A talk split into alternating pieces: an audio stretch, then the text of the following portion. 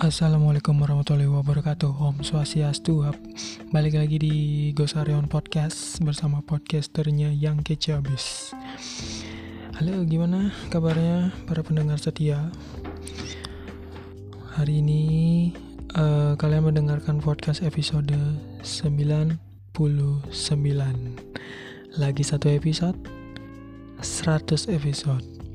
Ada spesial spesial banget enggak pakai banget sih sebenarnya biar apa biar biar biar apa biar ya ah, gitu aja Oke hari ini aku bakal bahas berita tentang dunia teknologi yang mana Samsung Galaxy Tab A8 10,5 inch resmi diumumkan. Ya Samsung baru saja di uh, dilaporkan. Ntar, kok dilaporkan? Ini aku di ganti dikit ya. Samsung baru saja melaporkan Samsung baru saja melaporkan eh, Samsung baru saja uh, melaporkan nggak enak. Dilaporkan merilis tablet seri Galaxy Tab A mereka. Nggak usah Samsung baru saja merilis tablet seri Galaxy Tab A mereka yang merupakan lini produk tablet terjangkau. Kali ini Samsung melakukan refresh terhadap Galaxy Tab A dengan menghadirkan Galaxy Tab A8 10,5 inch yang memiliki spesifikasi lebih baik dari sebelumnya. Oke, melansir dari GSM Arena, eh, sama aja loh. Samsung Galaxy Tab A8 terbaru ini mengusung layar 10,5 inch dengan panel LCD resolusi 1920 x 1200 pixel uh, dan rasionya 16 banding 10. Tablet ini sudah dilengkapi dengan dukungan speaker Dolby Atmos. Hmm, mantap tuh suaranya. Dolby Atmos. Untuk pengalaman audio yang lebih maksimal. Dapur pacu utama dari Galaxy Tab A8 uh, terbaru ini itu menggunakan chipset dengan 2 inti Cortex A75 dan 6 inti Cortex A55 dan GPU Mali G52MP2. Ya, diduga chipset yang dimaksud adalah chipset UniSoC Tiger T618 yang di mana dipakai di uh, tablet Advan uh, Advan Tab uh, eh, VX kalau nggak salah lupa. Eh bener ya? Aku lupa soalnya. Ya yang menggunakan fabrikasi 12 nanometer walau Samsung tidak menyebut uh, detail chipsetnya secara rinci. Ya menurut Samsung chips, chipset yang dipakai kali ini memiliki peningkatan hingga 10% dan uh, lebih cepat 10% dari seri sebelumnya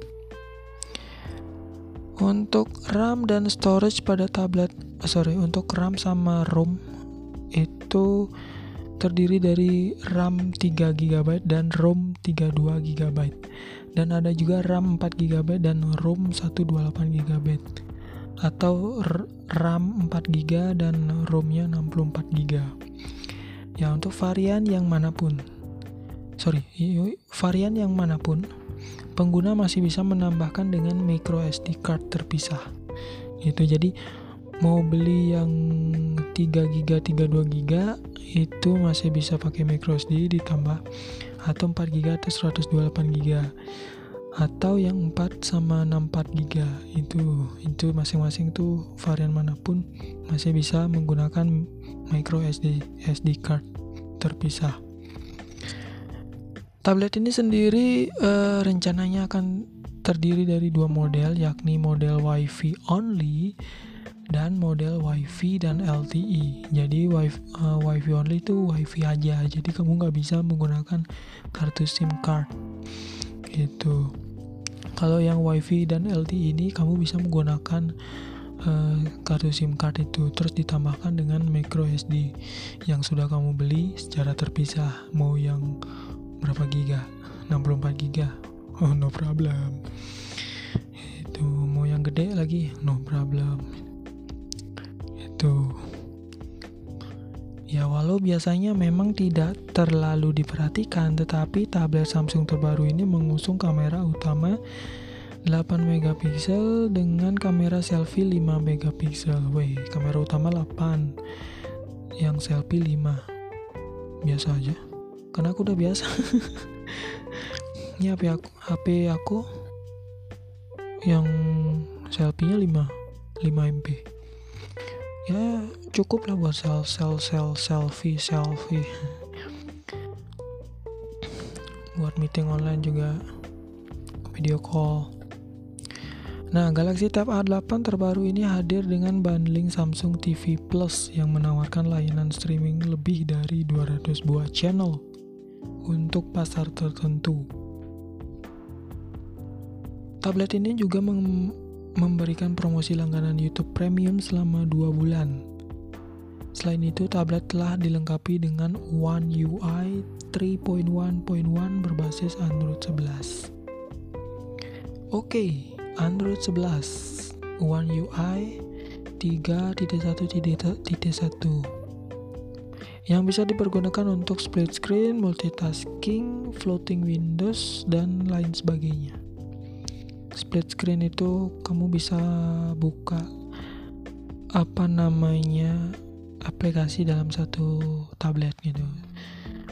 Jadi saat yang sebelah kiri itu buka Facebook yang sebelah kanan itu buka Instagram misalkan gitu jadi itu namanya split screen. Tuh nanti kamu nanti tinggal lihat atau buka WhatsApp ya. Yang satu lihat berita yang satu buka WhatsApp. Gitu. Nah untuk uh, baterai itu besar banget dengan kapasitas 7040 mAh. Yang didukung juga fast charging 15 watt yang di mana sudah USB-C 2.0 Oke, keren nih. Mantap. Fast charging 15 watt USB-C 2.0 baterainya 7040 mAh. Oke. Okay. bisa dibaca sedikit uh, kalau fast chargingnya tuh ya kalau misalkan beberapa menit misalkan ya ini aku bisa nebak nebak dikit ya. Kalau nggak salah sekitar 20 menit itu eh 20 menit udah berapa persen gitu nggak tahu pokoknya ya lumayan lah cepat ya lamanya ngecas tuh paling ya tiga jaman lah. Sampai full ya sampai full baterai. Sampai baterai full. Gitu. Jadi terus untuk harga katanya hmm, tersedia di pasar Eropa. Lebih dulu ya. Lebih dulu di pasar Eropa ya dengan harga 3,7 lah. 3,7 juta. Pas masuk ke sini udah 4 juta. Dapat ini lagi biaya cukai. Ini kenapa? Langsung dibeberin aku di sini biaya cukai. Ya emang gitu. Barang yang udah dari luar tuh emang kena biaya cukai guys. Yang gimana gimana enggak orang pas udah masuk Indonesia udah weh. Kok mahal?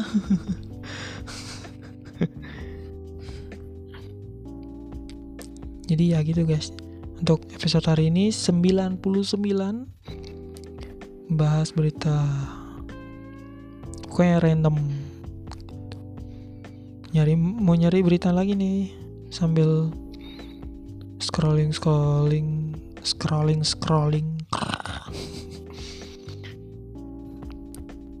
Ini kepencet nih. Ini random nih kepencet nih.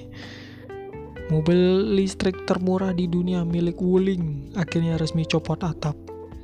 Copot atap? Bo, berarti nggak pakai atap ya Wuling akhirnya resmi menghadirkan mobil listrik termurah di dunia, Hongguang Mini EV.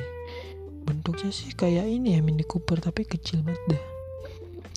Dengan atap yang bisa dibuka. Oh, bisa dibuka berarti oh, buka tutup buka tutup. Hmm, kayak Mini Cooper. Mini Cooper apa ya Mini Coopernya uh, Om Deddy Corbuzier yang dulu di video di YouTube-nya kan ada tuh atapnya bisa dibuka eh bener ya. Atau gak lupa. Pokoknya gitu sih. Ada mini buku per seri apa gitu. Atapnya bisa dibuka. Cut gitu. Ah. Dilaporkan Jalopnik. Nah, apa nih Jalopnik? Mobil listrik buatan Cina itu telah didaftarkan ke Kementerian Perindustrian dan Informasi Teknologi China sebagai syarat penjualan mobil Pendaftaran itu sekaligus mematahkan spekulasi yang sebelumnya beredar di mana Wuling Hongguang Mini EV yang atapnya bisa dibuka tidak akan pernah dijual untuk umum. Eh, berarti nggak diekspor keluar dong itu ya? Ya, Diketahui Wuling memang pernah menghadirkan Wuling Hongguang Mini EV Cabriolet di Shanghai Auto Show 2021 pada April lalu. Kala itu Wulung kala, kala, kala itu Wuling Hongguang Mini EV Cabriolet tampil dengan desain yang atraktif. Beberapa elemen futuristik futuristis juga terlihat di mobil seperti lampu dengan lampu LED yang yang seperti video game Wih lampu LED LED itu di seperti di video game kan body mobil samping yang dilengkapi dengan garis-garis lampu LED dan interior penuh dengan teknologi terkini. Men gila men. Gokil. Wow. Hanya saja anggapan itu salah karena memang Wuling berniat menjual mobil itu awal tahun depan. Kenapa kok bisa Oh ini kelewatan bacanya. Hanya saja waktu itu banyak orang menduga mobil itu hanya sekedar contoh desain saja. Wuling diduga tidak akan membuat mobil konsep atap terbuka itu jadi mobil produksi massal. Oh, habis itu ya jadi gitu. Hanya saja anggapan itu salah karena memang Wuling berniat menjual mobil itu awal tahun depan. Awal tahun depan. Berarti 2022. Nggak tahu dah. Namun jangan berharap mobil yang sudah ditawarkan Wuling itu sama persis dengan yang ditampilkan di Shanghai Auto Show 2021. Jadi pas mau misalkan kalau di eh sorry gimana? Namun jangan berharap mobil yang sudah didaftarkan Wuling itu sama persis dengan yang ditampilkan di Shanghai. Oh, berarti kalau misalkan dijual secara massal beda gitu jadinya. Desainnya beda deh kalau yang di situ mungkin kayak prototipenya aja sih. Kayak versi beta ya pas sudah yang resmi kok beda? Kok nggak sama anjir? Gitu. Beberapa elemen futuris eh sorry apa ini? Itu sama nih ya itu udah sampai situ aja sih. Teknologinya kle gokil sih tapi kayaknya di eh, tahun-tahun depan tuh mungkin mobil listrik sama mobil yang masih menggunakan bahan bakar bakal seimbang. Aku, aku sih nggak bisa nerawang atau nggak bisa apa namanya membuktikan secara real gitu. Tapi kalau kalau bis, bisa apa namanya seimbang ya mungkin antara bagus mangganya gitulah dari pihak orang orang-orang. 50-50 yang listrik 50% yang non listrik 50% gitu yang bahan bakar 50% jadi loh kok seimbang gitu lah. Soalnya teknologi tuh semakin canggih men. Makanya kita tuh nggak boleh diperbodohi sama teknologi juga kita manusia lebih harus pinter sama teknologi. Gitu jangan kalah sama orang zaman dulu. Gitu. Jadi ya mungkin sampai di sini aja dulu beritanya podcastnya ya. Dan mohon maaf kalau ada salah-salah kata jangan dimasukin dalam hati. Mohon maaf. Ya ya mohon dimaafkan aja. Dan ya itu aja. Dan ya kalau kalian mau lihat beritanya lagi silakan lihat-lihat aja kalian tinggal cari keywordnya aja di Google uh, mobil listrik. Ya gitulah. Atau apalah. Ah, ya, ya ya pokoknya kalau kalian mau nyari berita tuh keyword di Google tuh carilah. Ya oke. Okay. itu aja. So sampai jumpa di episode berikutnya. Ya episode 100 ya ini sekarang 99 men. Ya episode 100 don't forget to listen yang episode 100 karena spesial. Uh, nggak berani bilang banget sih cuman boleh deh banget iya. Oke okay, uh, sampai di sini aja. Udah panjang banget nih episode 99 apalagi biasa ya episode 100 uh lebih panjang lagi sama yang sekarang. Ya itu aja. Wassalamualaikum warahmatullahi wabarakatuh. Om santi santi santi om Bye-bye.